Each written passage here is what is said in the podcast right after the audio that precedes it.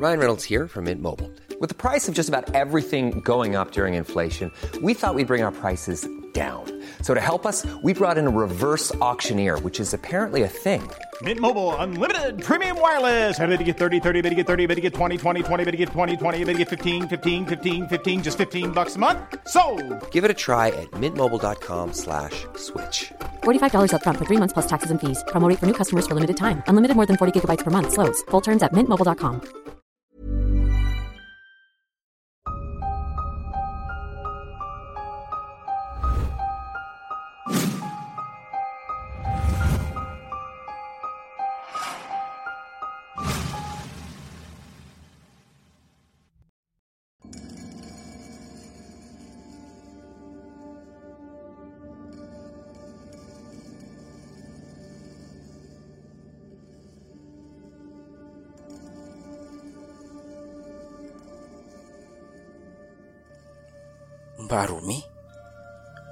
Ucap bapak dengan ekspresi wajah sedikit terkejut saat mendapati Mbak Arumi dan juga Kang Didik sudah berada di hadapan rumahnya sembari membawakan sebuah wadah berisi makanan yang telah mereka berdua buat. Eh, begini pak, ucap Mbak Rumi. Sebelum Mbak Arumi menyelesaikan pembicaraannya, Kang Waris telah dulu berjalan melewati mereka berdua. Tidak seperti biasanya. Kali ini, Kang Waris merasakan sesuatu yang berasal dari hutan alas wingit. Ternyata keberadaan mereka yang berada di alas wingit telah diketahui oleh Kang Waris lewat kehadiran Mbak Arumi dan juga Kang Didik. Ada apa Kang? Tanya Bapak. Kang Waris kembali berjalan melewati Mbak Arumi dan juga Kang Didik. Ia hanya terdiam sembari menatap tajam keduanya. Ada perlu apa kalian kemari?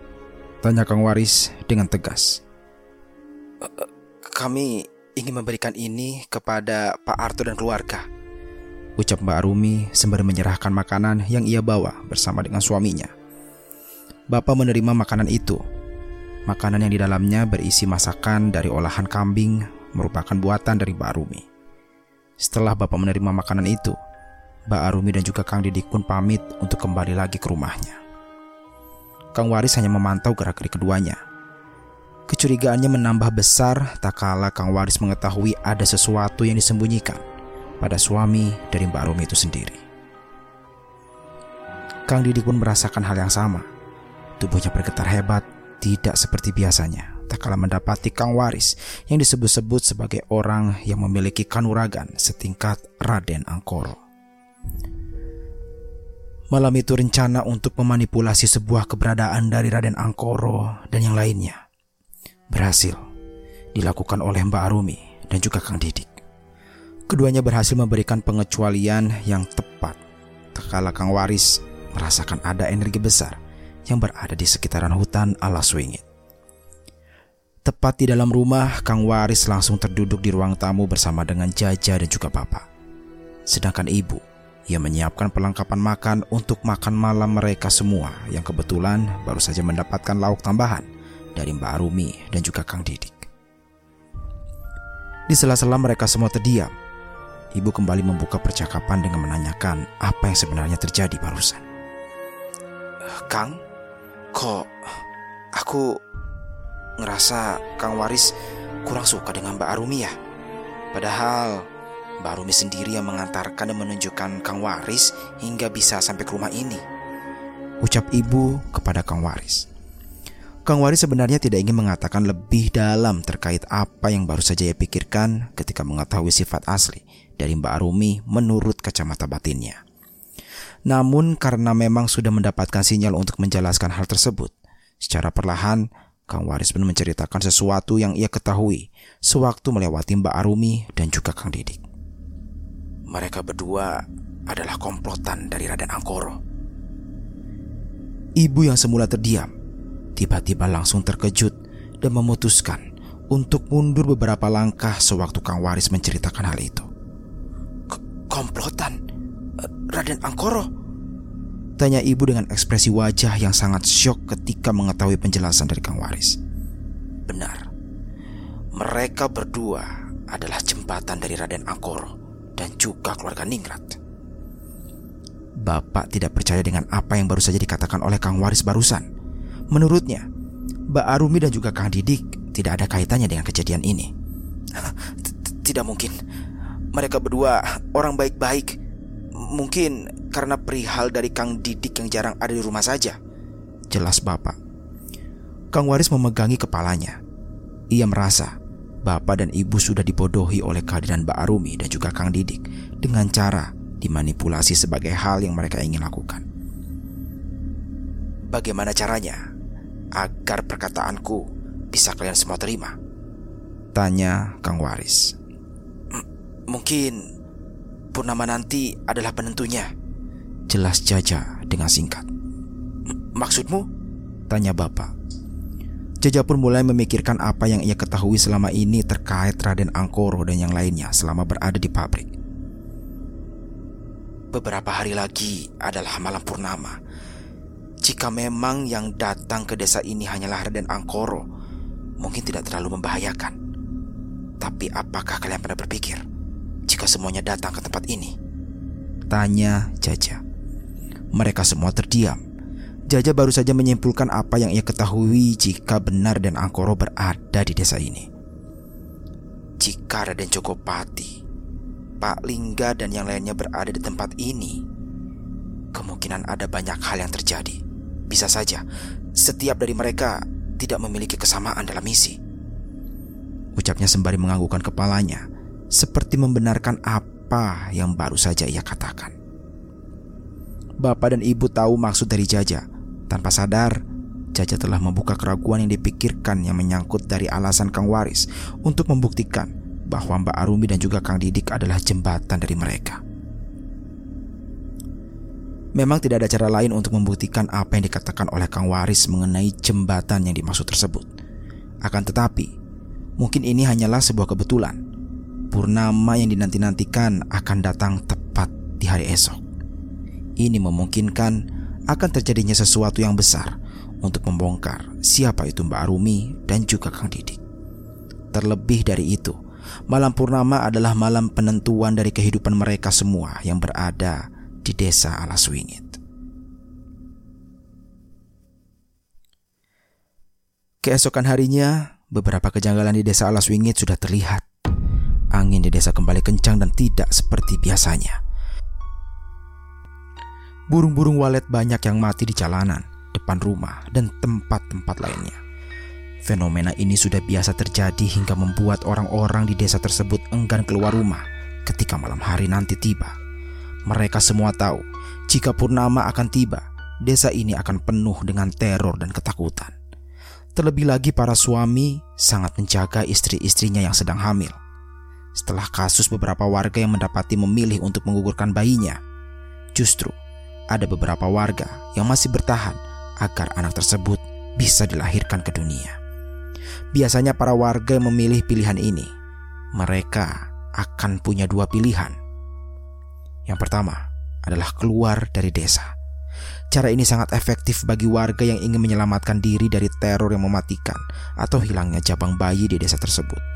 Selama pelaku dan teror pria misterius itu belum terbongkar, ritual penumbalan bayi akan terus berjalan hingga waktunya selesai atau mungkin adanya kebinasaan dari orang-orang yang melakukan ritual tersebut. Yang kedua, menetap di desa. Mereka yang menetap di desa pada umumnya akan menghindari kontak mata terhadap beberapa warga atau orang-orang yang ada di sekitarannya. Mereka akan menutup diri dan memilih untuk tidak memberitahu terkait kehamilannya. Dengan cara ini, Bapak juga memberi tugas kepada Nyirati untuk bisa mengetahui para warga yang masih kedapatan hamil dan akan melahirkan. Peran Nyirati sangat penting Selain dirinya memang mengetahui seluk-beluk akan perjalanan Bapak, Nyirati juga merupakan dukun beranak. Dengan profesinya menjadi dukun beranak, tugas Nyirati sangatlah tidak mudah. Selain ia sendiri akan berhadapan dengan maut jika kedapatan oleh seseorang yang merupakan bagian dari komplotan pria misterius, Nyirati juga rentan mendapatkan serangan jika dirinya mampu untuk menyelesaikan tugasnya, yaitu mampu menyelamatkan anak-anak yang akan ditumbalkan. Tepat hari itu Nyiratih mendapatkan tugas dari bapak untuk mengontrol para wanita yang berada di sekitaran desa tersebut. Tujuannya masih sama, Bapak menginginkan keselamatan bagi orang-orang yang mungkin memang harus diselamatkan terlebih lagi kepada jabang bayi yang akan dilahirkan ke dunia. Nyiratih tidak sendirian.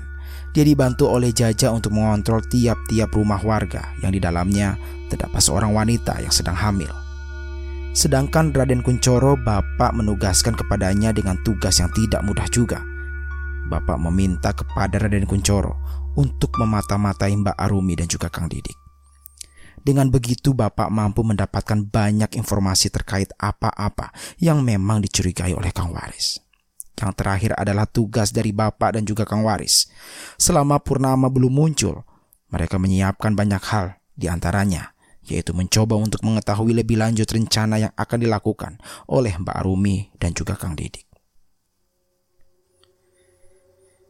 Jaja dan Nyirati menyusuri rumah-rumah warga satu persatu. Mereka ingin mengetahui kondisi tiap wanita yang berada di desa tersebut. Takutnya apa yang memang dipikirkan oleh Nyirati selama ini memang benar. Kuburan kecil yang berada di hadapan tiap rumah warga adalah kuburan yang dipergunakan untuk mengubur janin mereka. Dari rumah ke rumah, Jaja dan Nyirati terus mengetuki pintu warga. Namun anehnya, tidak ada satupun warga yang mau membukakan pintu. Setiap kali mereka ingin membukakan pintu rumah, pasti ada suara laki-laki yang melarang kepada istrinya untuk membukakan pintu tersebut. Jangan dibuka, nanti mereka datang. Jaja dan juga Nyirati tidak paham apa maksud dari perkataan dari laki-laki tersebut. Mereka berdua mengira kedatangan mereka adalah sesuatu yang membuat ketidaknyamanan dan membawa sebuah petaka baginya. Akan tetapi Jaja dan Nyirati tidak menyerah. Mereka berdua terus mencari rumah warga yang mau membukakan pintu dan mencari tahu tentang hal ini. Dan benar saja, ketika mereka berdua terus mencari rumah warga yang terbuka, mereka berdua langsung menuju ke tempat tersebut. Di dalam rumah itu, Jaja dan juga Nyirati mendapati seorang wanita yang sedang hamil tua bersama dengan seorang laki-laki yang merupakan suami dari wanita tersebut. Jaja dan juga Nyirati pun langsung meminta izin kepada mereka berdua untuk masuk ke dalam dan menanyakan apa yang menjadi kebutuhan dari mereka berdua. Pak, istri Bapak sedang hamil tua? Tanya Jaja. Pria itu hanya mengangguk. Dia tidak mengucapkan sepatah kata pun melainkan hanya menatap wajah istrinya yang ketakutan karena mendapati dua orang asing yang sedang berada di hadapannya kali ini. Kebetulan teman saya ini adalah dukun beranak. Eh, jika bapak dan ibu berkenan, kami bisa membantu proses persalinannya. Jelas Jaja. Pria itu masih terdiam dia tidak mau mengucapkan sepatah kata pun untuk merespon tawaran yang Jaja berikan kepadanya. Kalian siapa? Tanya wanita yang sedang hamil itu kepada Jaja dan juga Nyirati. Kami berdua orang baik, Bu. Kami memang bukan berasal dari desa ini. Tetapi kami juga tahu terkait ketakutan kalian berdua dan juga warga setempat tentang hal ini. Ucap Jaja wanita itu meminta kepada suaminya untuk menutup pintu rumah. Ia tidak mau ada orang lain yang mengetahui obrolan sesensitif ini. Setelah pintu rumah ditutup, Nyirati pun meminta kepada wanita tersebut untuk duduk di sebuah kursi. Ia ingin mengecek keadaan sang jabang bayi yang masih berada di dalam perut. Kebetulan karena mendapati salah satu warga yang mau menerima mereka berdua, Jaja pun mencoba untuk memancing percakapan dengan menanyakan hal-hal terkait dengan para warga yang selalu menutup rumahnya sebelum malam purnama datang. Kalau boleh tahu, uh, mengapa para warga di sini menutup pintu rumahnya sebelum malam purnama datang, Pak? Apakah ada sesuatu yang akan terjadi di malam purnama? Tanya Jaja. Pria itu menatap istrinya Awalnya istrinya hanya menggeleng-gelengkan kepalanya. Ia tidak mau ada pembahasan yang mengarah kepada keadaan desa saat ini. Namun karena sudah kepalang merespon dari pertanyaan Jaja, pria itu pun akhirnya menjelaskan semua terkait ketakutan yang sedang mereka hadapi dan juga para warga yang berada di alas wingit sebelum nantinya malam purnama itu datang. Semenjak anak dari Mbah Jayo menghilang. Desa ini menerima kutukan yang luar biasa. Kutukan itu mengarah kepada perjanjian dan ikatan antara penghuni alas swingit dengan para warga yang ada di sini. Jelas pria tersebut. Perjanjian seperti apa, Pak? Tanya Jaja. Perjanjian itu mengarah kepada tiap bayi yang baru lahir di tempat ini. Karena Mbah Jayo sendiri bukan hanya kehilangan anak semata wayangnya saja, melainkan istrinya juga menghilang di sana. Jelas pria itu. Jaja makin bingung dengan penjelasan dari pria tersebut. Ia yang awalnya mengetahui konflik awal dari desa ini yang berasal dari desa Alaswingit. Ternyata permasalahannya semakin meluas tak kalah Mbah Jayo sendiri kehilangan keluarganya. Tapi apa para warga tahu siapa anak dan istri dari Mbah Jayo sendiri? Tanya Nyirati. Pria itu kembali menatap istrinya. Ia tidak berani untuk menjelaskan lagi secara dalam terkait permasalahan yang sangat sensitif ini. Kami semua mengenal keluarga Mbah Jayo. Anaknya bernama Birawa dan istrinya mendapatkan sebutan sebagai seorang nyai di desa ini. Jaja dan Nyirati tak percaya dengan apa yang baru saja dikatakan pria tersebut. Pasalnya, nama Birawa dan Nyai tidak pernah mereka ketahui sebelumnya. Uh, apakah mereka berdua masih hidup? Tanya Jaja. Birawa menghilang saat dia masih kecil bersama dengan Nyai di hutan alas wingit. Akan tetapi ada rumor yang mengatakan Mbah Jayo melakukan penumbalan kepada tiap bayi yang akan dilahirkan atau masih berupa janin dengan tujuan untuk menebus mereka berdua. Ternyata awal mula terjadinya hal-hal semacam ini dikarenakan adanya penumbalan bayi yang dilakukan oleh Mbah Jayo untuk bisa mengembalikan lagi kedua anggota keluarganya. Mbak, kalau boleh tahu rumah kalian di mana? Tanya wanita hamil itu. Kami tinggal di dekat Alas Wingit. Di situ ada saudara kami yang bernama Raden Artonegoro. Jelas Nyirati. Mendengar nama itu, mereka berdua langsung syok dan meminta kepada Jaja dan juga Nyirati untuk meninggalkan mereka berdua. Pergi. Kalian semua harus pergi dari sini. Kenapa? Ada apa? Kenapa dengan Raden Artonegoro? Tanya Jaja. Dia, dia adalah awal dari petaka. Mendengar nama itu, Nyai Rati langsung terkejut. Dia segera mengambil pisau dan menodongkan ke arah wanita itu. Duduk dan berhenti berteriak. Kalau tidak, aku akan robekkan perut istrimu dalam hitungan detik. Ucap Nyirati. Nyirati, Ucap Jaja.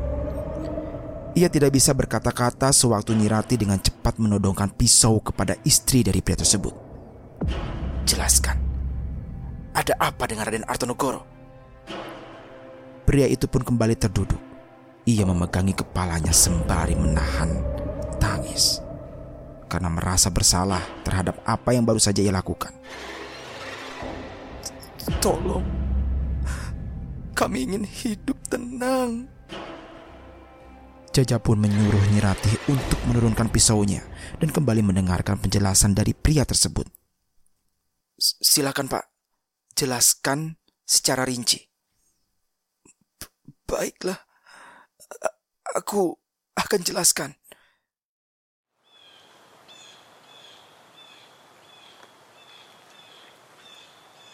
Sementara itu, Bapak dan juga Kang Waris mencoba untuk mengetahui lebih jauh terkait hutan Alaswingit.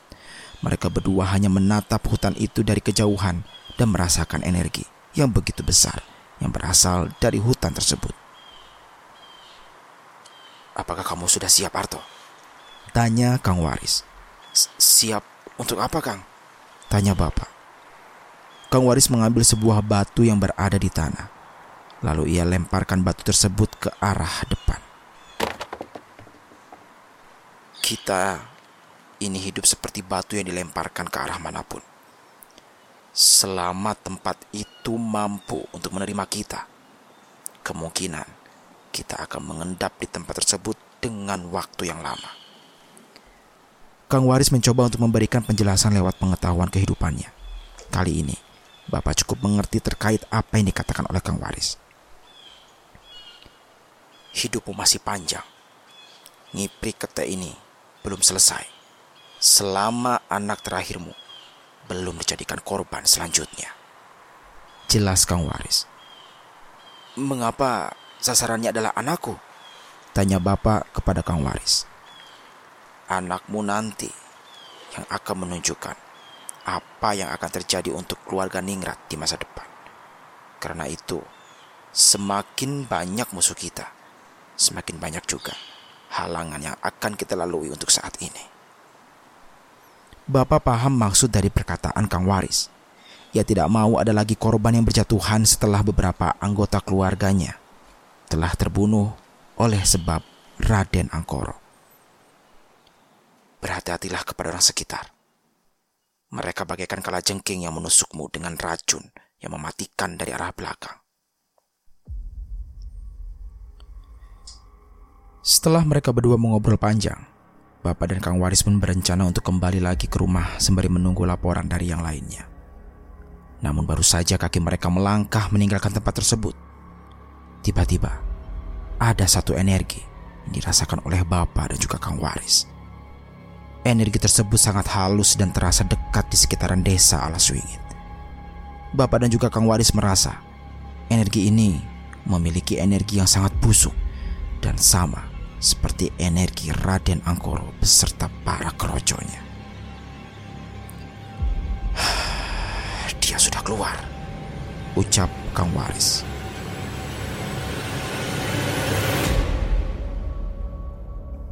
Bapak mengangguk paham. Mereka berdua pun segera mencari energi tersebut.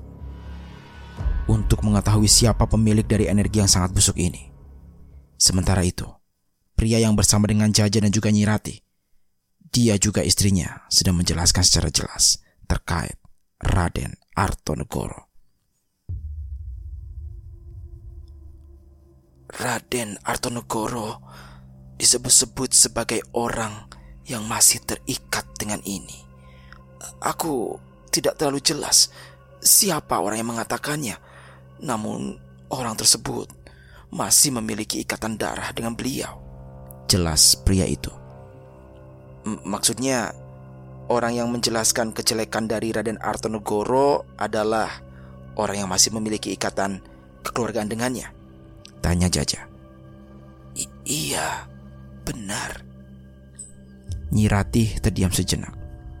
Ia seperti sedang memikirkan sesuatu terkait keluarga dari Raden Artonegoro yang mengikutinya sampai ke daerah-daerah yang jauh.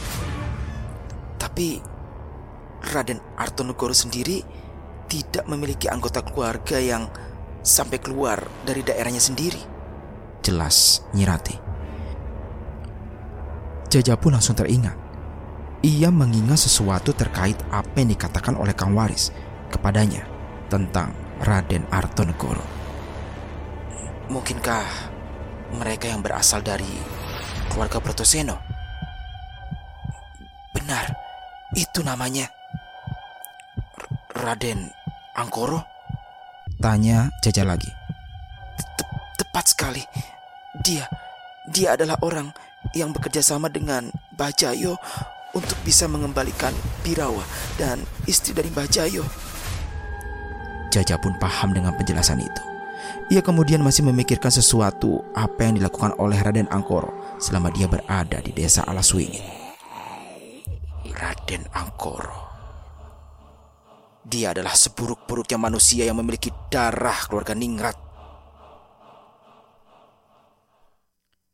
Tidak jauh dari tempat tersebut, Raden Kuncoro sedang memantau pergerakan dari Mbak Arumi dan juga Kang Didik. Ia pun menerobos maju untuk menuju ke tempat Mbak Arumi. Hal ini dilakukan Raden Kuncoro sendiri merasa ada banyak orang yang berada di rumah Mbak Arumi dan juga Kang Didik. Sewaktu Raden Kuncoro mengendap-endap ke rumah Mbak Arumi, ia mendengar ada obrolan yang berasal dari rumah Mbak Arumi. Raden Kuncoro pun mencari tempat yang tepat untuk bisa bersembunyi dan mendengarkan semua obrolan yang berasal dari rumah Mbak Arumi. Sebentar lagi malam purnama. Raden Artonegoro, Kang Waris, dan juga Jaja telah berada di tempat ini. Kita harus membunuhnya tepat di malam itu. Jelas salah seorang dengan nada yang sangat berat itu. Raden Kuncoro yang mendengar itu langsung terkejut. Ia kembali menyimak perkataan-perkataan yang lainnya yang akan diucapkan oleh mereka yang berada di dalam rumah Mbak Rumi. Sebelum itu, kita juga harus bisa mendapatkan 10 cabang bayi. Aku lihat ada banyak warga yang sedang hamil tua di desa ini. Dengan begitu, kita bisa kembali menciptakan kekuatan besar yang lainnya. Jelas seorang dengan nada yang sangat datar, namun terlihat sangat misterius itu. Obrolan masih berlanjut. Kali ini adalah salah seorang yang meminta izin untuk pergi ke arah belakang rumah. Raden Kuncoro pun berhati-hati dan selalu waspada. Takutnya ada orang tersebut mengetahui dirinya sedang mendengarkan obrolan sensitif ini. Bagaimana denganmu Palingga? Apa rencanamu saat ini? Tanya salah seorang kepada orang yang bernama Palingga tersebut. Kita mesti mengikuti apa yang dikatakan oleh Raden Jokopati. Aku hanya meminta kepada Arumi dan Didik untuk menyiapkan diri ketika malam purnama itu datang. Raden Kuncoro kembali terkejut. Ternyata benar apa yang dipikirkannya. Mbak Arumi dan juga Didik adalah sekutu dari orang-orang yang ingin membunuh Raden Artonogoro dan keluarganya beserta dengan Kang Waris dan juga Jaja. Ia pun mencukupkan diri untuk mendengarkan lebih lanjut terkait obrolan yang mengerikan ini.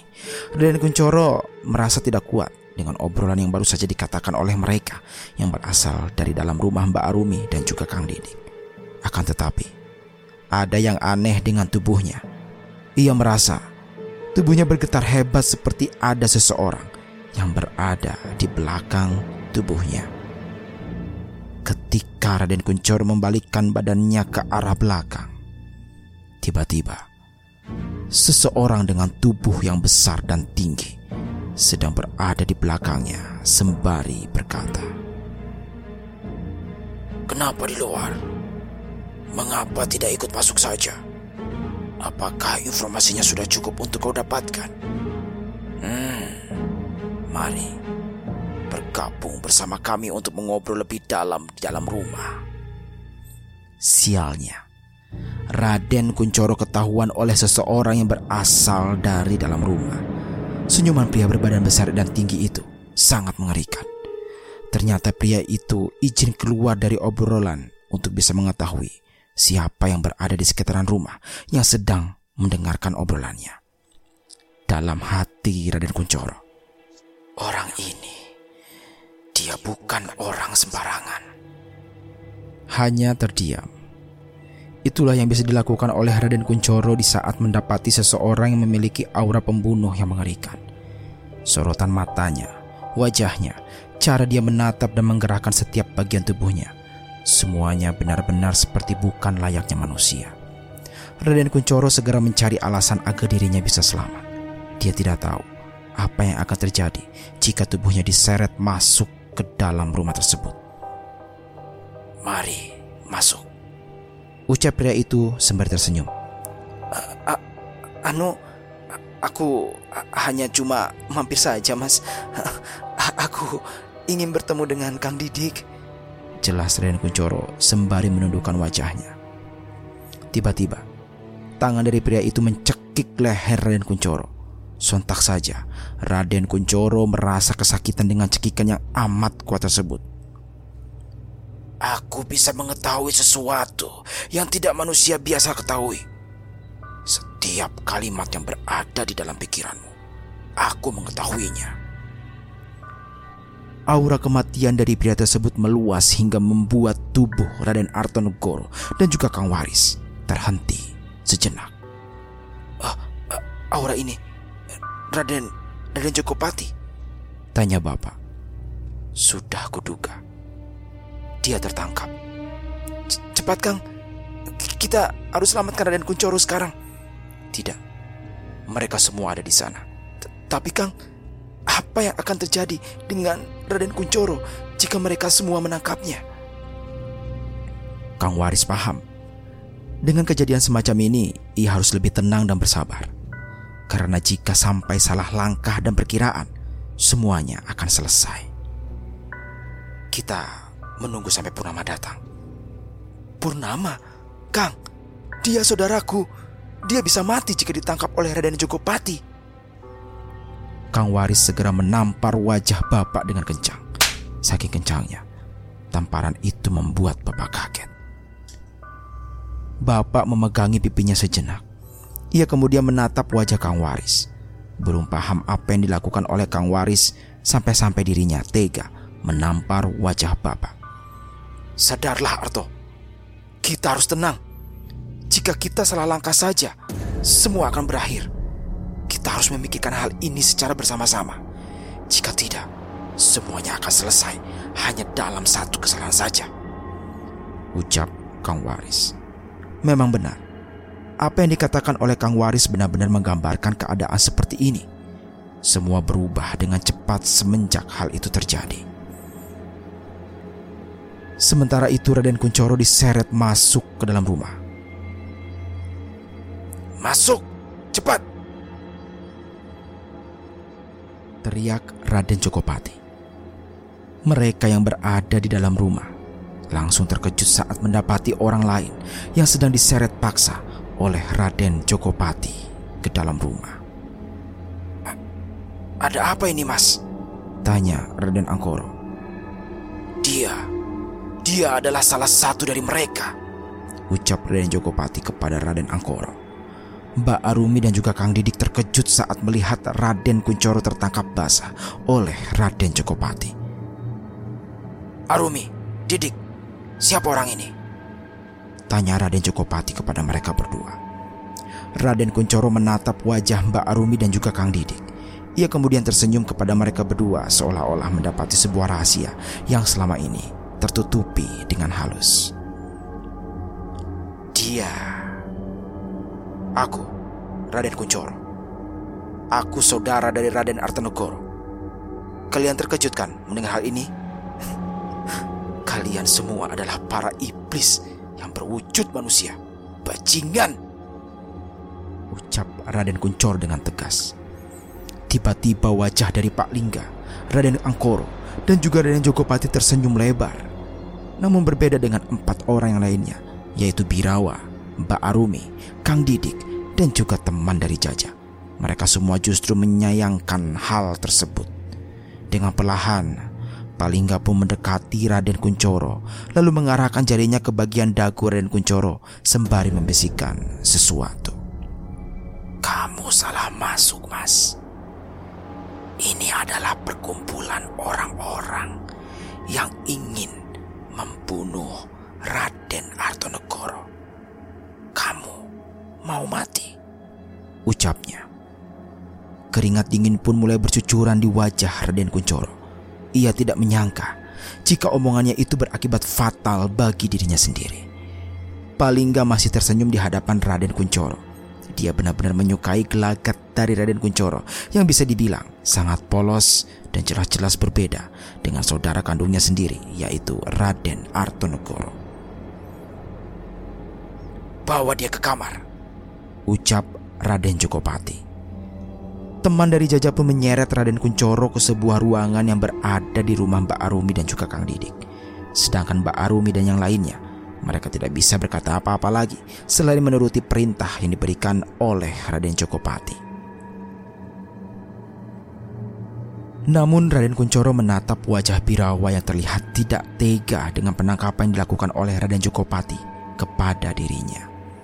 Raden Kuncoro pun diikat di sebuah ruangan dan dijaga oleh teman dari Jaja. Ia hanya mengikuti perintah yang dilakukan oleh orang-orang yang mengekangnya selama ini. Kau, kau, kau masuk ke tempat yang salah, Mas. Seharusnya tidak ikut campur atas masalah ini. Ini bukanlah tempatmu. Ucap Raden Kuncoro. Teman dari Jaja ini hanya terdiam. Ia mengikat dengan kencang kedua tangan dari Raden Kuncoro tersebut. Teriak Raden Kuncoro saat kedua tangannya diikat dengan kencang oleh pria tersebut. Aku rasa kau adalah manusia yang tidak memiliki pendirian. Kau hanya tunduk kepada orang-orang yang sengaja mengendalikanmu kan? Apakah karena uang, harta, keselamatan, atau jangan-jangan diam? Ucap pria itu dengan pelan. Atau karena kau juga memiliki sebuah dendam kesumat terhadap seseorang? Tanya Raden Kuncoro dengan senyuman jahatnya. Pria itu langsung menampar wajah Raden Kuncoro hingga mengeluarkan bunyi suara yang keras. Bersamaan dengan itu, bibir dari Raden Kuncoro pun terluka. Ternyata, tamparan yang diarahkan oleh pria tersebut benar-benar sangat kencang. Sejatinya, manusia itu membutuhkan kedamaian dan kebebasan. Selama diri kita masih dirongrong oleh yang namanya tekanan, kita bukanlah manusia seutuhnya. Ucap Raden Kuncoro sembari menundukkan wajahnya. Kau tahu apa tentang perjalanan hidup manusia? Semua manusia di dunia ini hanyalah gambaran orang-orang munafik. Teriak pria itu. Raden Kuncoro yang mendengar hal itu hanya tertawa kecil. Lagi-lagi, ia melihat manusia bodoh yang dengan sedarnya ingin diperalat oleh orang-orang besar dan berkuasa darinya.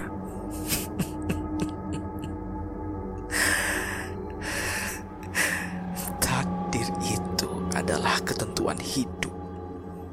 Hidup dan matimu semuanya sudah memiliki aturannya sendiri. Tapi berbeda lagi jika kamu ingin jadikan takdir itu sebagai letak sebagai ketentuan dari pegangan orang-orang yang berkuasa. Pria itu tersentak hatinya. Ia baru saja menerima tamparan hebat dari perkataan yang baru saja dilayangkan oleh Raden Kuncoro. Ada dua manusia yang hidup di dunia ini. Dia yang terus berjuang sampai menjadi pemenang.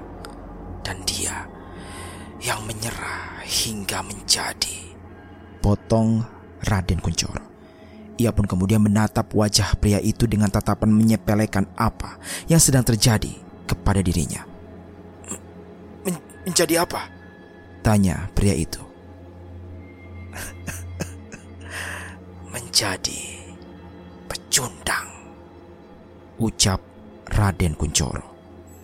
Tidak berserang lama, pintu ruangan pun terbuka lebar. Palingga segera masuk ke dalam kamar tersebut.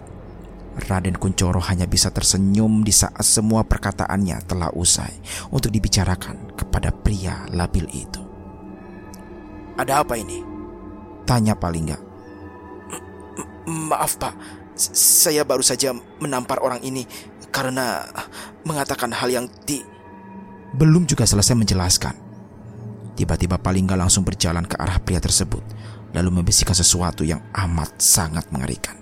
Sekali lagi kau menampar pria ini, aku akan tarik lidahmu hingga putus.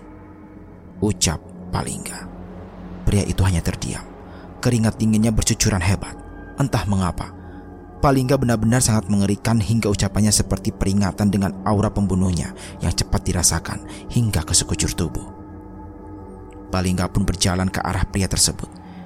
Ia kemudian membersihkan luka di bibir Raden Kuncoro dengan kain yang sering digunakannya untuk membersihkan debu di bajunya. Kamu itu adalah berlian bagi kami. Jangan mati dulu ya. Kita belum tanya-tanya seputar keluargamu dan apa yang terjadi rahasia terbesar dari keluargamu ini. Tertangkapnya Raden Kuncoro pun menjadikan pembahasan yang sangat panas di kalangan keluarga Raden Artonegoro. Setelah Nyiratih dan juga Jaja kembali ke rumah, mereka berdua terkejut saat mendapati Raden Kuncoro tertangkap basah oleh kelompok Raden Angkoro.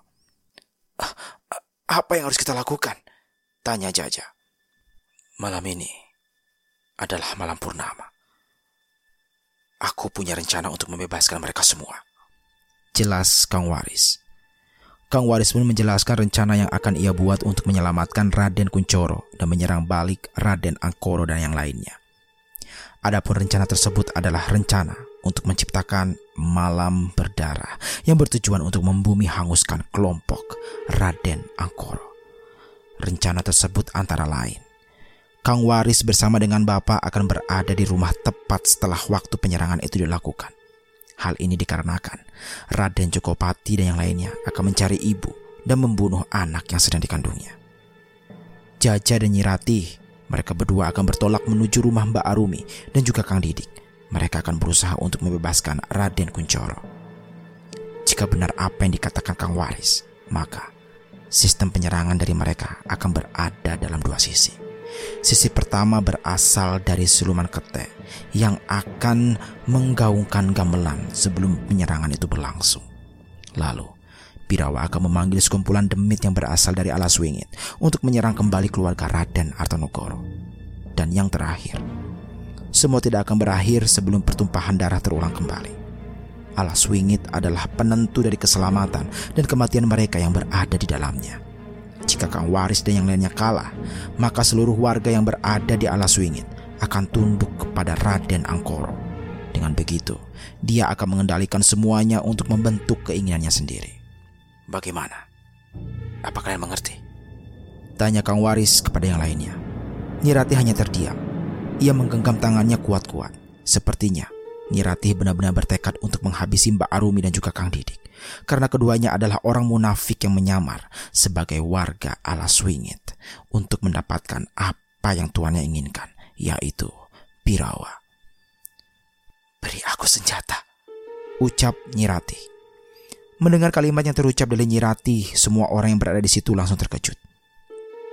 Kau, kau tidak, kau tidak harus membunuh mereka. Jelas Kang Waris kepada Nyirati.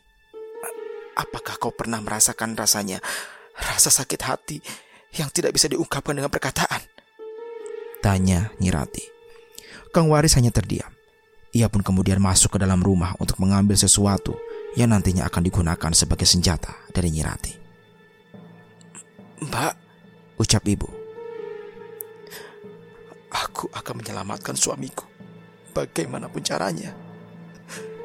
Jika malam berdarah ini adalah takdir dan akhir dari kehidupanku, Aku ingin mati bersama dengan Raden Kuncoro.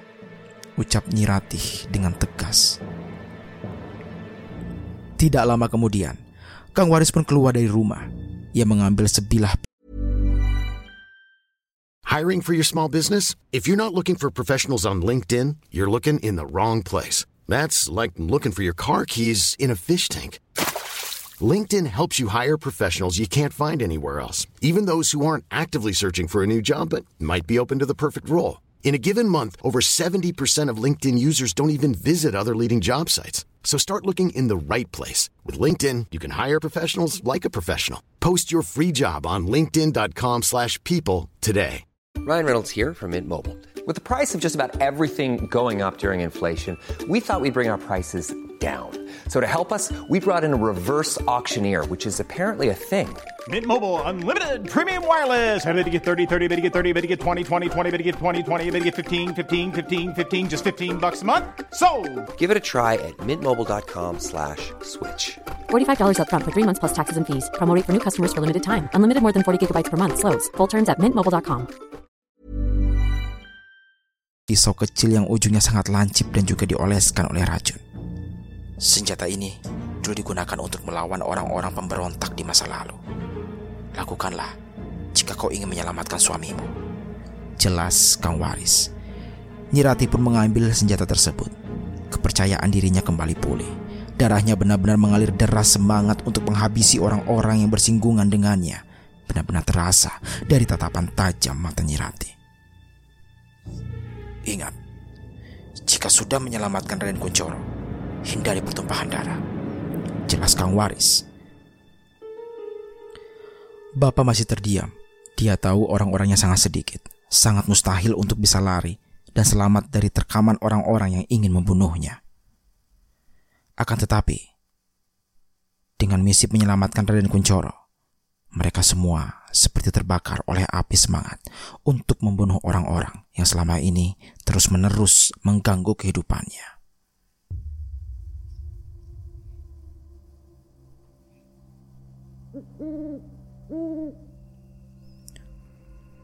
Purnama telah terangkat ke atas langit. Cahayanya sangat cerah, namun di sisi-sisinya terdapat awan merah yang menggambarkan sebuah tragedi yang akan terjadi malam ini. Kami berangkat dulu. Jelas Jaja. Jaja dan Nyirati pun berangkat secara sembunyi-sembunyi menuju rumah Mbak Arumi dan juga Kang Didik. Namun sebelum mereka berangkat, mereka berdua mendengar sesuatu yang mengerikan yang berasal dari alas wingit. Suara itu seperti suara yang terdengar sebelum penyerangan pertama yang dilakukan oleh pria misterius ke rumah Bapak ucap bapak. Kita mesti bersiap-siap. Jelas Kang Waris. Jaja dan Nyirati pun tetap melanjutkan perjalanan, walaupun mereka berdua merasa takut dengan suara mengerikan itu. Namun mereka tidak memiliki pilihan lagi selain menyelamatkan Raden Kuncoro. Kang Waris dan Bapak segera mengatur strategi untuk menghindari kesalahan yang sama saat mereka tidak bisa menyelamatkan Mbak Ina dan yang lainnya, termasuk juga Mas Cipto, korban terakhir dari penyerangan yang dilakukan oleh Raden Angkoro dan juga Palingga. Mereka tidak ingin pertumpahan darah terjadi kepada keluarga dan golongannya. Bapak juga meminta kepada ibu untuk selalu bersembunyi bersama dengan Mas Rahadian sebelum semuanya selesai. Bu, ibu di sini saja sama Mas Rahadian. Aku dan juga Kang Waris, kami berdua akan melindungi rumah ini dan mencegah mereka untuk masuk ke dalam rumah. Jelas, Bapak. Pak, aku aku takut, Pak. Jelas, Ibu. Tenang. Semua akan berjalan sesuai rencana. Jangan keluar sebelum aba-aba dariku. Jelas Bapak kepada Ibu. Ibu hanya mengangguk paham. Bapak pun kemudian menutup lemari dan menguncinya dari luar. Ia percaya jika semua akan baik-baik saja selama semuanya berjalan sesuai dengan rencana. Saat Bapak meninggalkan kamar, tiba-tiba hal yang terjadi secara cepat. Suara gamelan langsung berbunyi di sekitaran rumah. Lampu rumah langsung mati dalam sekejap. Suara monyet-monyet mulai terdengar dari atap rumah. Bapak pun berjaga-jaga. Dia tidak mau jika penyerangan itu lebih cepat jauh dari perkiraannya. Sembari mengeluarkan pisau yang telah lama diberikan oleh Kang Waris, Bapak pun selalu mengarahkan pisau itu ke arah depan dengan tujuan untuk berjaga-jaga. Akan tetapi, saat dirinya ingin keluar dari rumah, tiba-tiba ada sesuatu yang menarik tangannya hingga terjatuh. Dan ternyata, orang yang menarik tangan Bapak adalah Kang Waris. Ia sengaja menarik tangan Bapak karena di depan rumah sudah berkumpul monyet-monyet yang siap untuk melakukan sebuah ritual. Kang Waris, tanya Bapak. Raden cukup hati ada di sini. Jelas Kang Waris sambil menyuruh Bapak untuk diam sejenak. Tidak berselang lama, pintu depan tiba-tiba terbuka. Lalu suara kerincing terdengar dengan jelas. Bapak dan Kang Waris melihat dengan jelas sosok siluman monyet yang masuk ke dalam rumah. Sorot matanya menyala dan bersinar di dalam kegelapan ruangan tersebut. Bulu-bulunya yang berwarna putih hingga taring di mulutnya yang besar, seolah-olah menggambarkan bahwa sosok itu benar-benar sedang marah. Sosok itu berjalan ke arah yang berada dari tempat di mana ibu disembunyikan. Kang Waris dan juga Bapak masih cukup tenang karena sosok tersebut tidak berada di dekatnya. Akan tetapi, tidak lama kemudian, terdengar suara teriakan yang berasal dari kamar ibu. Bapak dan Kang Waris segera menuju ke ruangan ibu. Namun mereka berdua langsung menghentikan langkahnya ketika sosok siluman monyet itu sedang mengangkat tubuh Mas Rahardian hanya dengan satu tangan. Rahardian! Teriak bapak. Namun sosok siluman monyet itu segera mengeluarkan suara yang begitu menyakitkan di telinga mereka semua. Kang Waris mencoba untuk maju ke arah depan. Namun, baru satu langkah saja ia maju. Sosok siluman monyet itu menggertak seperti memberikan pantangan kepada Kang Waris agar tidak maju ke arah depan. Bapak pun mulai kebingungan. Ia pun segera menanyakan kepada Kang Waris apa yang harus dilakukan untuk bisa menyelamatkan Mas Rahardian. Tak berselang lama, dari dalam kamar itu terdengar suara wanita yang begitu mengerikan. Ucul ke putuku. Lepaskan cucuku. Wanita itu langsung muncul tepat di belakang sosok siluman monyet itu.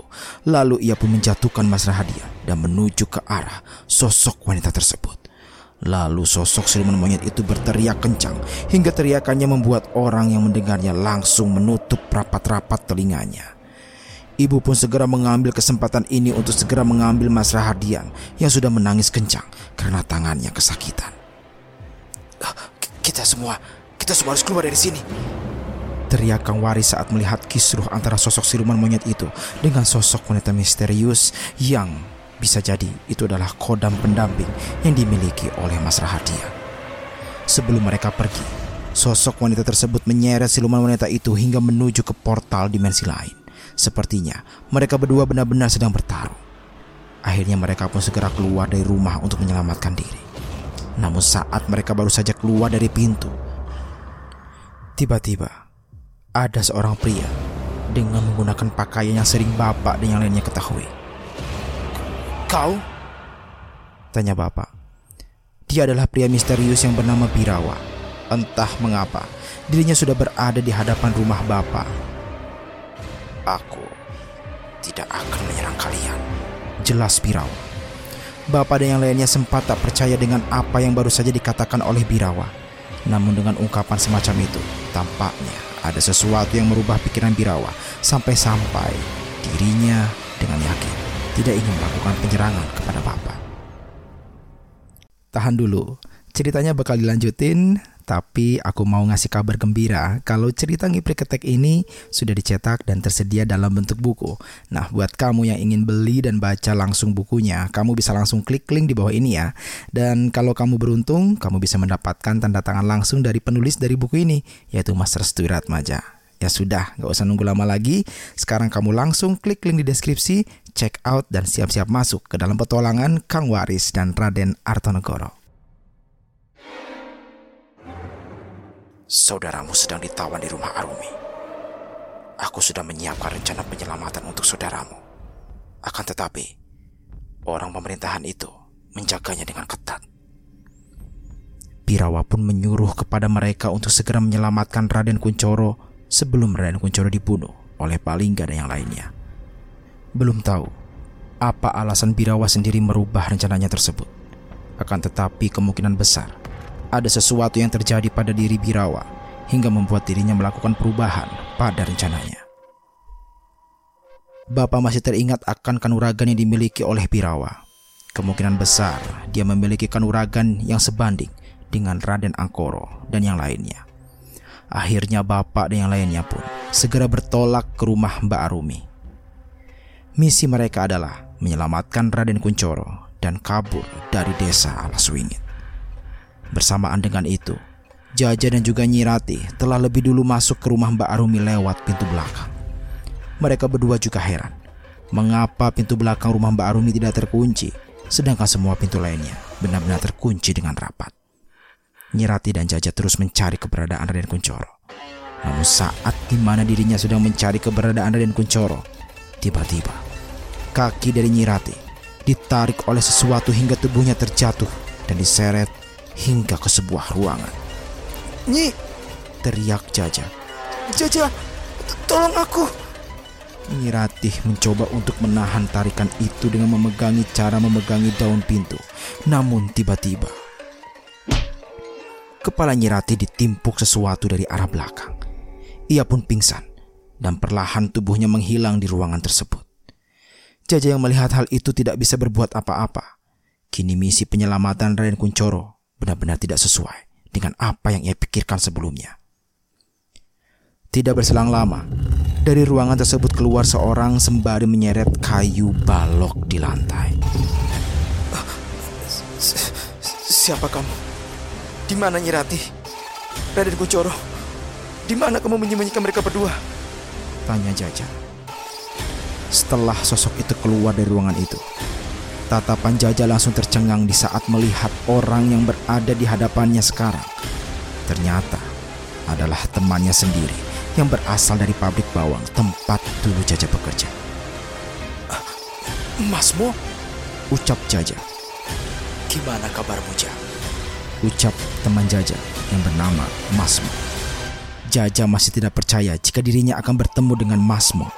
Namun, apa yang membuat dirinya benar-benar tidak yakin jika itu yaitu Masmo adalah orang yang memukul kepala Nyirati dengan menggunakan balok tersebut. Tenang, Ja. Sekarang mereka berdua aman. Jelas Masmo kepada Jaja. M- maksudmu? Tanya Jaja. Ada Palingga yang sedang menjaganya. Dari kejauhan, terdengar suara langkah kaki yang berasal dari ruangan tersebut. Jaja merasakan ada yang tidak beres dengan suara langkah kaki tersebut. Siapa itu? Teriak Jaja.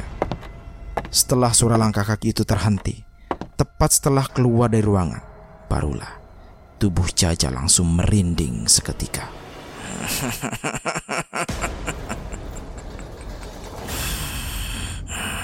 Jadi, kamu nggak mau balik lagi ke pabrik? Sementara itu, waktu semakin terus berjalan. Bapak dan yang lainnya segera mencari cara untuk bisa masuk ke dalam rumah tersebut. Jika memang benar seperti apa yang dipikirkan oleh Bapak, maka Birawa akan berhadapan dengan Raden Angkoro. Kemungkinan besar juga Mbak Arumi dan Kang Didik ikut serta dalam penyerangan tersebut untuk melindungi tuannya. Itu berarti di dalam rumah Mbak Arumi hanya tersisa Pak Lingga dan juga Raden Kuncoro. Mereka pun bergegas untuk menuju ke dalam rumah Mbak Arumi. Sesampainya di sana, Kang Waris meminta ke Bapak untuk tidak masuk ke dalam rumah tersebut. Ia khawatir jika di dalam rumah tersebut ada jebakan lain yang mungkin saja sudah direncanakan oleh Palingga. Lebih baik kalian berdua pergi dari sini. Jika kalian berdua sampai ditangkap, maka semua akan selesai. Jelas Kang Waris. Bapak dan Ibu pun segera pergi ke tempat lain untuk mencari pelindungan yang aman. Sedangkan Kang Waris, ia merasakan ada energi besar yang berada di dalam rumah tersebut. Purnama semakin bersinar terang di atas langit alas wingit.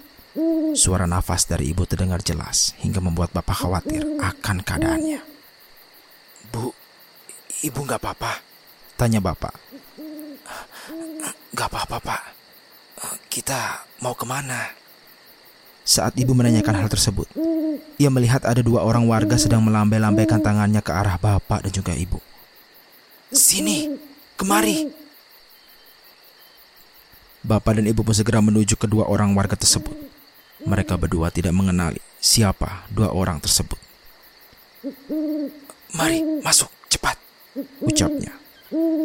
Ibu dan bapak pun segera masuk ke dalam rumah warga tersebut. Pak, tolong ambilkan minum. Jelas wanita yang sedang hamil itu. Ternyata, dua orang warga tersebut adalah mereka yang ditemui oleh Jaja dan juga Nyirati. Mereka berdua mendapatkan mandat dari seseorang untuk melindungi bapak dan juga ibu. Mbak Arumi menyuruh kami untuk melindungi kalian berdua. Jelas wanita hamil itu. Mbak Arumi, Tanya ibu. dia meminta kami untuk melindungi kalian berdua karena kalian adalah kunci utama dari penyerangan di malam ini. Jelas wanita hamil itu. Ibu langsung menoleh ke arah bapak. Seperti tidak percaya apa yang baru saja dikatakan oleh wanita hamil tersebut. Pak, Tanya ibu dengan penuh keraguan. mengapa Mbak Arumi melakukan hal tersebut? Bukankah dia juga termasuk dalam bagian orang-orang yang membantu dalam penumbalan ini? Tanya bapak. Wanita hamil itu menatap ke arah suaminya. Ia seperti meminta bantuan kepada suaminya untuk menjelaskan apa yang dikatakan oleh Mbak Arumi sebelum malam hari tiba. Sebelum waktu gelap datang, Mbak Arumi dan juga Kang Didik mendatangi rumah kami. Dia menjelaskan sesuatu terkait peristiwa yang akan terjadi di malam purnama nanti. Jelas suami dari wanita hamil itu. Tidak bisa dibayangkan. Ternyata Mbak Arumi mengetahui apa yang akan terjadi beserta dengan langkah-langkah yang harus dia ambil untuk melindungi bapak dan juga ibu. Dia meminta kepada kami untuk melindungi kalian berdua karena kalian adalah incaran dari mereka semua, terkhusus Raden Angkoro dan juga Raden Jokopati. Memang benar, Bapak dan juga Ibu adalah incaran utama dalam penyerangan kali ini. Raden Angkoro dan juga Raden Jokopati benar-benar ingin membunuh keduanya karena telah menghalang-halangi ritual ngiprik ketek itu sendiri. Yang mana tumbal terakhir yang harus dia bunuh adalah anak dari keturunan asli keluarga Ningrat. Jika misi itu berhasil dijalankan, maka mereka semua akan mudah menciptakan ambisinya secara perlahan-lahan seiring berjalannya waktu. Kau Raden Artonegoro kan? Tanya wanita hamil itu kepada bapak. Benar, aku Raden Artonegoro. Jelas bapak. Mbak Arumi menjelaskan secara detail terkait kebaikan kalian berdua. Kalian benar-benar orang yang beruntung. Jelas wanita hamil itu. Bapak masih belum yakin apa maksud dari rencana ini semua. Apakah benar apa yang dilakukan oleh Mbak Arumi? Namun jika Mbak Arumi ingin menyelamatkan bapak dan juga ibu, lalu mengapa Raden Kuncoro ditawan di rumahnya? Apakah ada sesuatu yang terjadi saat penangkapan Raden Kuncoro berlangsung? Atau jangan-jangan... Uh, apakah ini ada kaitannya juga dengan pria misterius tersebut? Tanya bapak. M maksudmu Tuan Birawa? Tanya balik wanita hamil itu kepada bapak. I iya, benar. Tuan Birawa memilih jalannya sendiri. Menurut Mbak Arumi, dia sengaja memanggil seluruh orang-orang yang pernah bekerja sama dengannya hanya untuk membalas dendam di masa lalu. Jelas wanita hamil itu. Dendam di masa lalu? Wanita hamil itu hanya mengangguk paham. Ternyata kedatangan dari Raden Angkor dan yang lainnya di desa Alaswingit sudah diperhitungkan jauh-jauh hari. Tidak ada jawaban yang terucap dari wanita hamil tersebut. Ia hanya terdiam sembari menunggu pembahasan lain yang mungkin saja tidak mengarah kepada hal itu.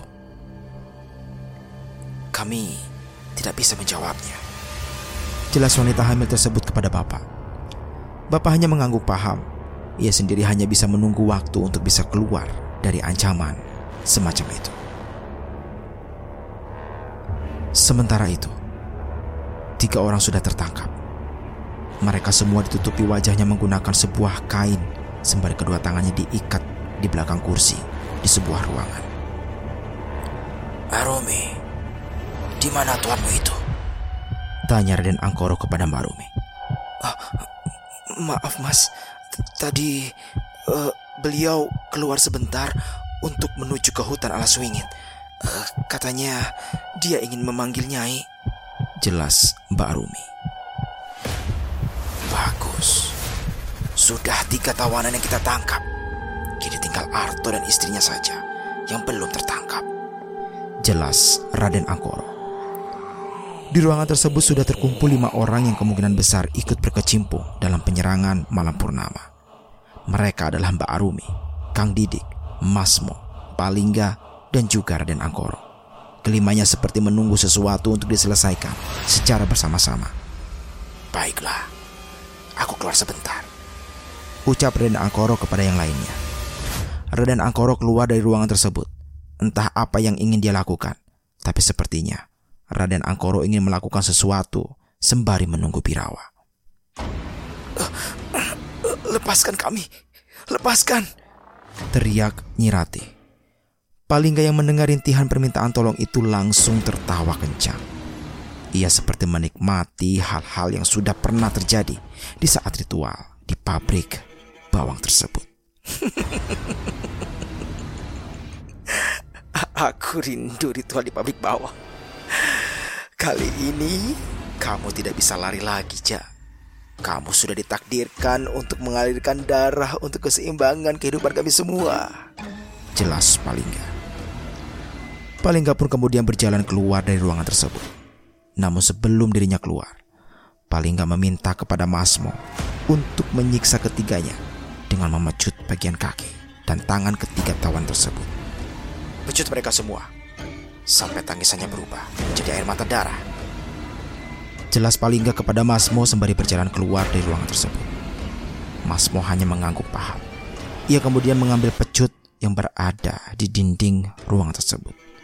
Jaja, sudah ku bilang kan? Kamu jangan lari dari pabrik. Kita semua sudah dijadikan tumbal di sana. Percuma juga kita lari ke mana pun. Kita hanyalah budak dari orang-orang yang berkuasa. Ucap Masmo. Ia pun kemudian melepaskan kain yang menutupi kepala Jaja. Sepertinya, Masmo sangat rindu dengan wajah ketakutan yang tergambar di wajah Jaja. Maaf ya, Ja. Aku ingin hidup juga. Katanya, kalau aku bisa bunuh kamu, secara kamu adalah orang yang berpengaruh besar karena mengetahui ritual tersebut, maka harus aku singkirkan agar aku bisa terbebas dari kontrak tumbal seumur hidup ini. Senyum Masmo. Jaja pun menatap tajam wajah Masmo. Ia benar-benar sangat benci dengan ekspresi Masmo yang benar-benar menyatu dengan sifat iblis di dalam hati, pikiran, dan juga tingkah lakunya saat ini. Ada kata-kata terakhir gak, Ja? Tanya Masmo kepada Jaja sembari mendekati wajahnya tepat di hadapan Jaja. Namun kejadian yang tidak disangka-sangka pun terjadi. Jaja dengan cepatnya langsung meludahi wajah Masmo sembari mengatakan sesuatu kepada Masmo. Hati. Pergi kau neraka bajingan. Kau telah mengkhianati Cipto. Aku tahu. Kau adalah orangnya kan yang memberitahu lokasi Cipto kepada mereka semua. Tanya Jaja. Masmo pun mengelap ludah itu dengan menggunakan bajunya. Mbak Arumi dan juga Kang Didik hanya memandangi kisruh mereka berdua. Raden Angkoro tidak mungkin tahu keberadaan tempat persembunyian Cipto. Tapi kau menguliknya sendiri kan? Kau beritahu mereka semua agar bisa mendapatkan pesangon yang lebih banyak dan meminta tangguhan dari tumbal selanjutnya di antara para karyawan yang lainnya. Jelas Jaja. Masmo pun tersenyum lebar. Ia kemudian tertawa mendengar perkataan yang baru saja dijelaskan oleh Jaja kepadanya terkait masa-masa di mana dirinya membocorkan rahasia dari tempat persembunyian Cipto sewaktu tumbal di pabrik bawang itu berjatuhan. Akhirnya kau sadar juga ya, Ja. Padahal, aku sendiri tidak pernah memberitahu hal ini kepada siapa pun. Tapi, apakah kau tahu? Menjadi bawahan dari orang-orang berkuasa itu adalah kenikmatan yang tidak tandingannya, Ja. Kamu bisa bermain dengan wanita sebanyak-banyaknya. Kamu bisa meminum minuman sampai larut pagi. Kamu bisa merasakan nikmat duniawi yang tidak semua rakyat jelata seperti kita rasakan.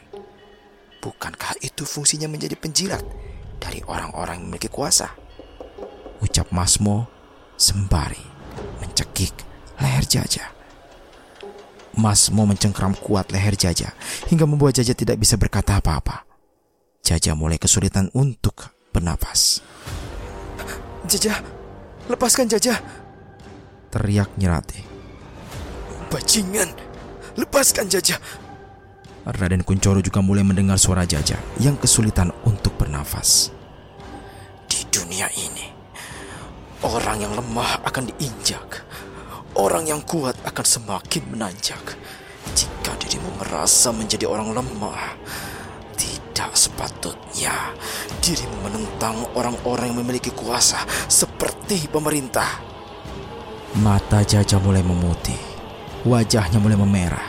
Tampaknya Jaja mulai kehabisan nafas karena cekikan dari Masmo yang sangat kuat itu. Akan tetapi hal yang tidak terduga terjadi dengan cepat.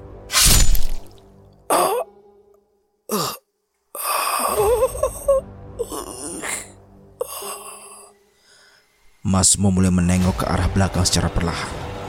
Ia kemudian melepaskan tangannya dari leher Jaja sembari memegangi perutnya yang sudah ditusuk oleh pisau tajam hingga menembus ke bagian depan.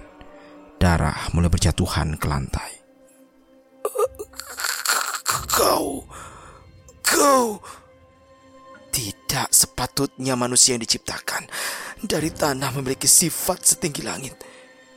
Jika kamu merasa dirimu tercipta oleh tanah, jangan berlagak seperti langit yang tinggi. Ucap Mbak Arumi kepada Masmo. Mbak Arumi menusuk perut Masmo hingga membuat Masmo tewas di tempat. Melihat hal tersebut, Jaja pun tidak bisa berkata apa-apa. Uh, Mbak Arumi, ucap Jaja. Jaja, apa yang terjadi? Tanya Rati. Jaja, ada apa, Jaja? Teriak Raden Kuncoro. Mbak Arumi pun segera berjalan ke arah belakang mereka bertiga.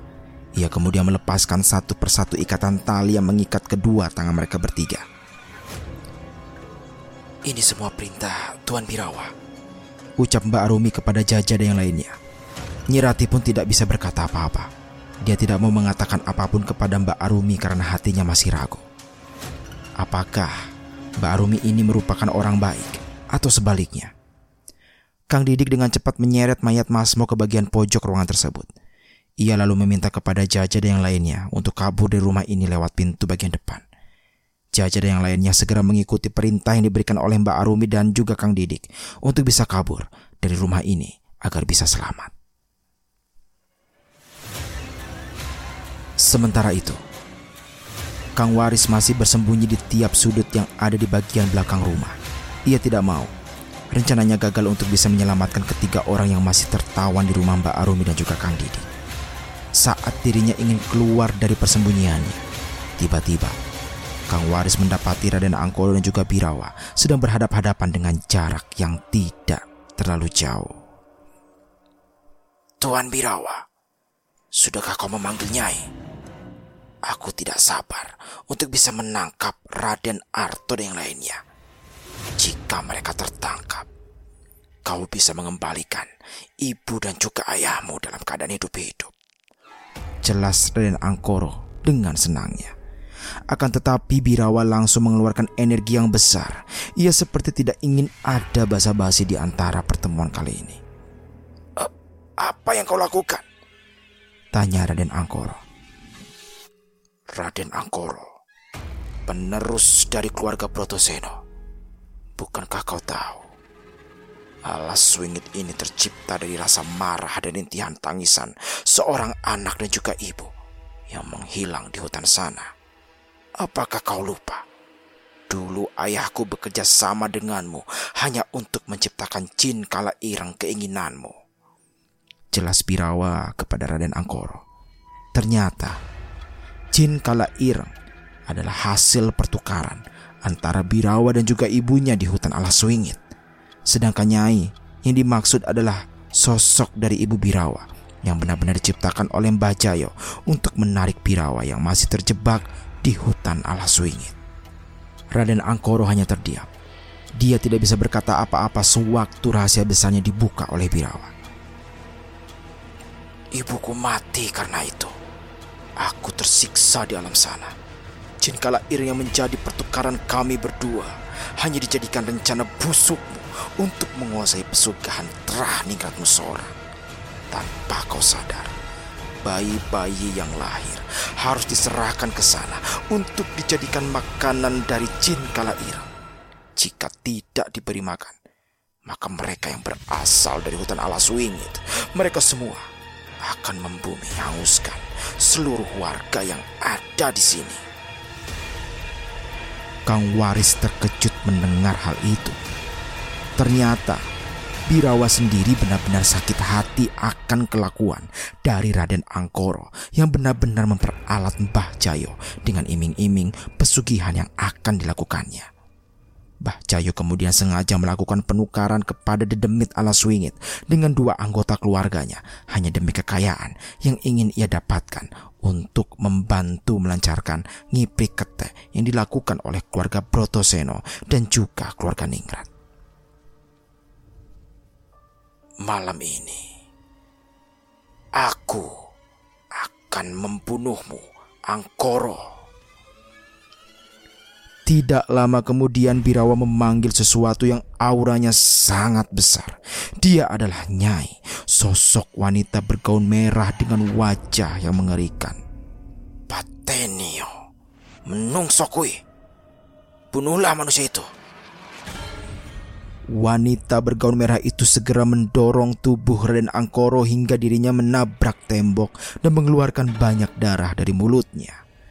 Kang Waris tahu ini adalah di luar dari kemampuannya. Ia tidak menyangka jika hal ini akan terjadi dengan begitu cepat.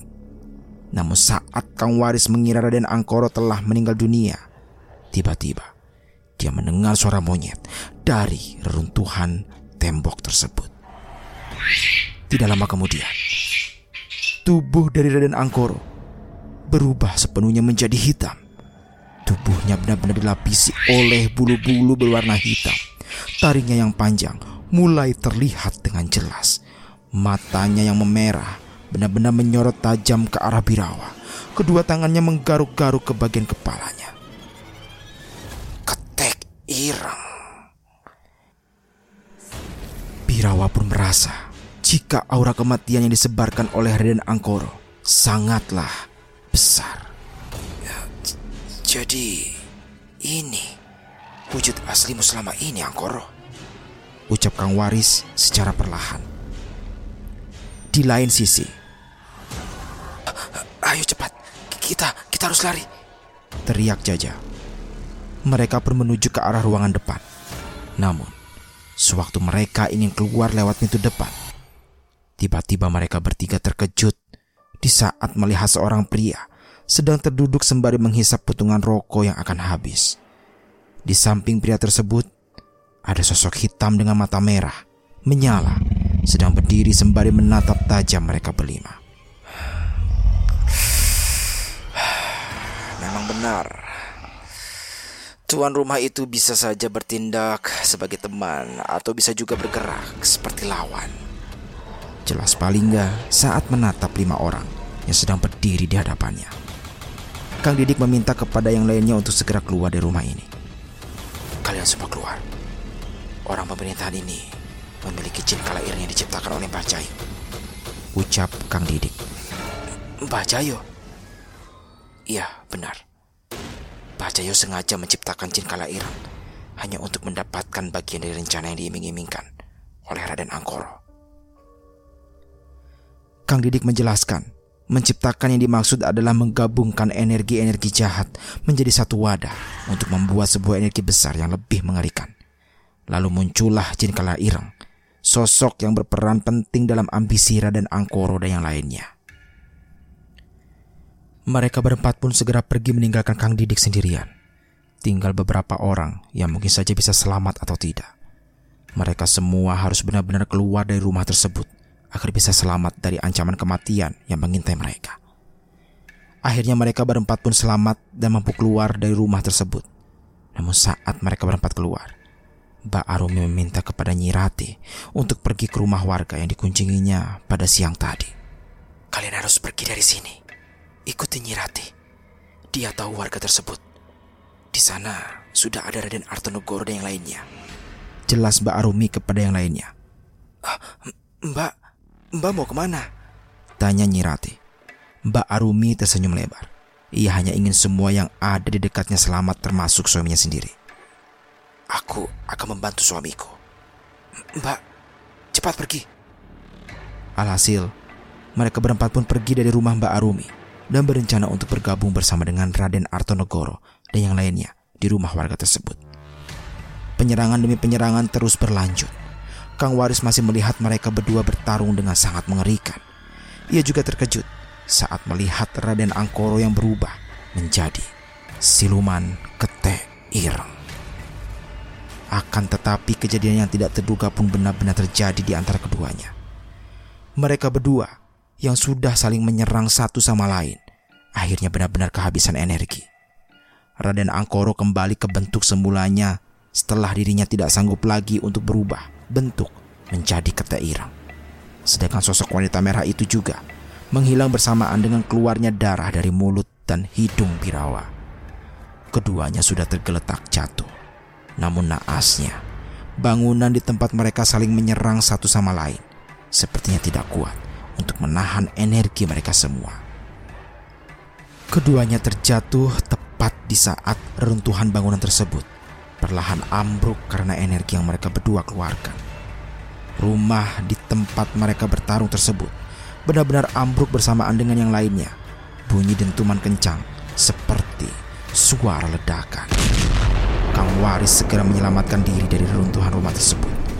Untungnya ia berhasil keluar sesaat sebelum semuanya menjadi hancur dan reruntuhan tersebut berhamburan di sekitarnya. Kang Waris tidak menyangka ternyata semuanya sudah selesai sampai di sini. Apakah semuanya selesai?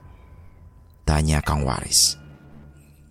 Tidak ada tanda-tanda pergerakan lagi. Semua terdiam. Entah apa yang terjadi kemungkinan besar semua yang berada di reruntuhan tersebut meninggal dunia. Ia kemudian perlahan meninggalkan tempat tersebut untuk segera bergabung dengan yang lainnya. Saat Kang Waris sedang berjalan-jalan mencari bapak dan yang lainnya, ia kemudian melihat ada seorang wanita menggunakan pakaian adat Jawa sedang berdiri di dekat hutan alas wingit. Wanita itu sedang memegangi kepala orang yang tidak begitu jelas wajahnya karena sudah menghitam dan tidak berbentuk lagi. Tidak lama kemudian, wanita tersebut menghilang bersamaan dengan munculnya kabut di sekitaran hutan alas wingit. Kang Waris terus berjalan sembari memanggil-manggil nama Bapak. Dari kejauhan, salah satu pintu rumah warga terbuka. Dari dalam rumah tersebut keluar seorang pria dengan perawakan yang sangat familiar. Kang, Sini Kang. Kang Waris segera menuju ke rumah tersebut. Tidak berselang lama, disusul oleh yang lainnya untuk keluar bersamaan dan memeluk tubuh Kang Waris. Uh, Kang, apa yang terjadi? Tanya Bapak. Akan kujelaskan nanti. Kita harus keluar dari desa ini. Kita benar-benar harus keluar karena memang semuanya sudah usai. Jelas Kang Waris kepada Bapak. Jadi semuanya iya, benar. Nyiratih tiba-tiba meneteskan air mata. Ia memeluk tubuh Raden Kuncoro suaminya. Nyiratih belum bisa mengucapkan ucapan terima kasih kepada Mbak Arumi dan juga Kang Didik karena telah menolong mereka semua dari maut. Hidup terus berjalan. Kita yang menentukan arah hidup dan tujuan kita hidup dan mati memang sudah diatur, tetapi kita berhak untuk merangkai takdir kita.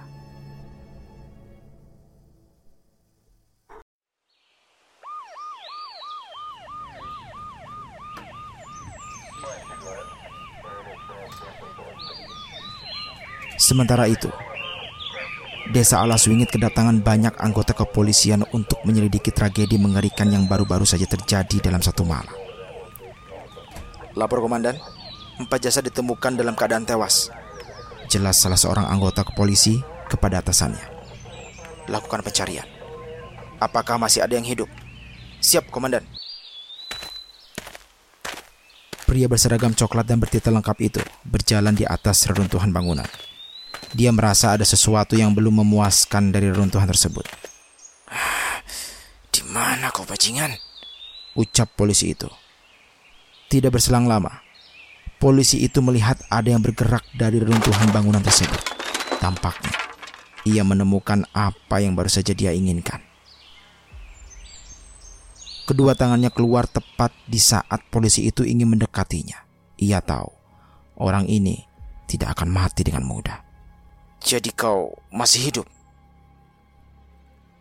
Di tempat yang lain, seorang polisi melaporkan bahwa dirinya menemukan seseorang yang masih hidup namun dalam keadaan luka yang sangat parah.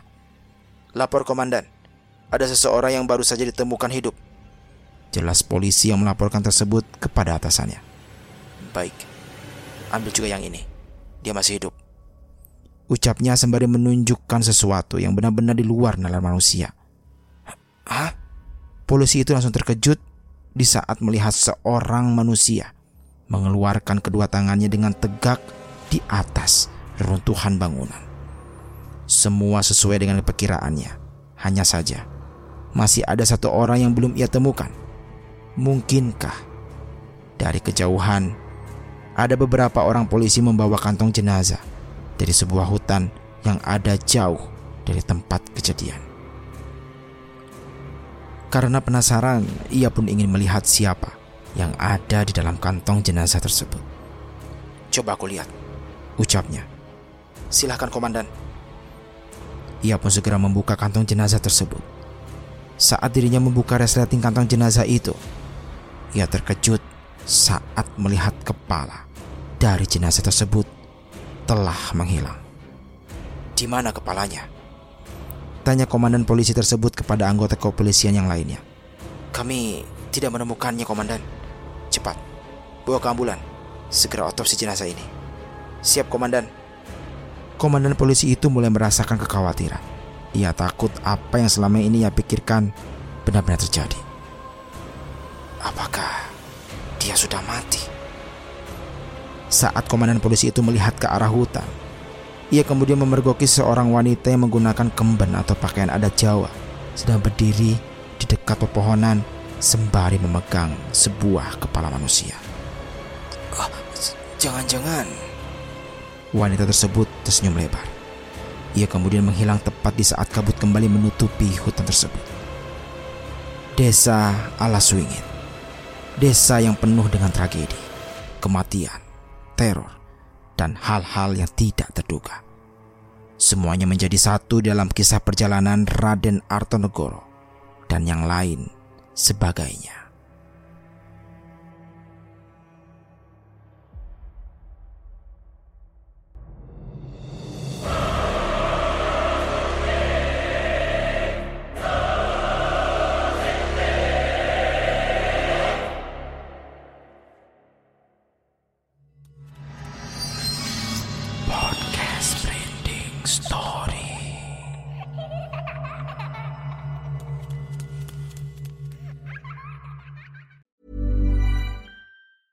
Planning for your next trip?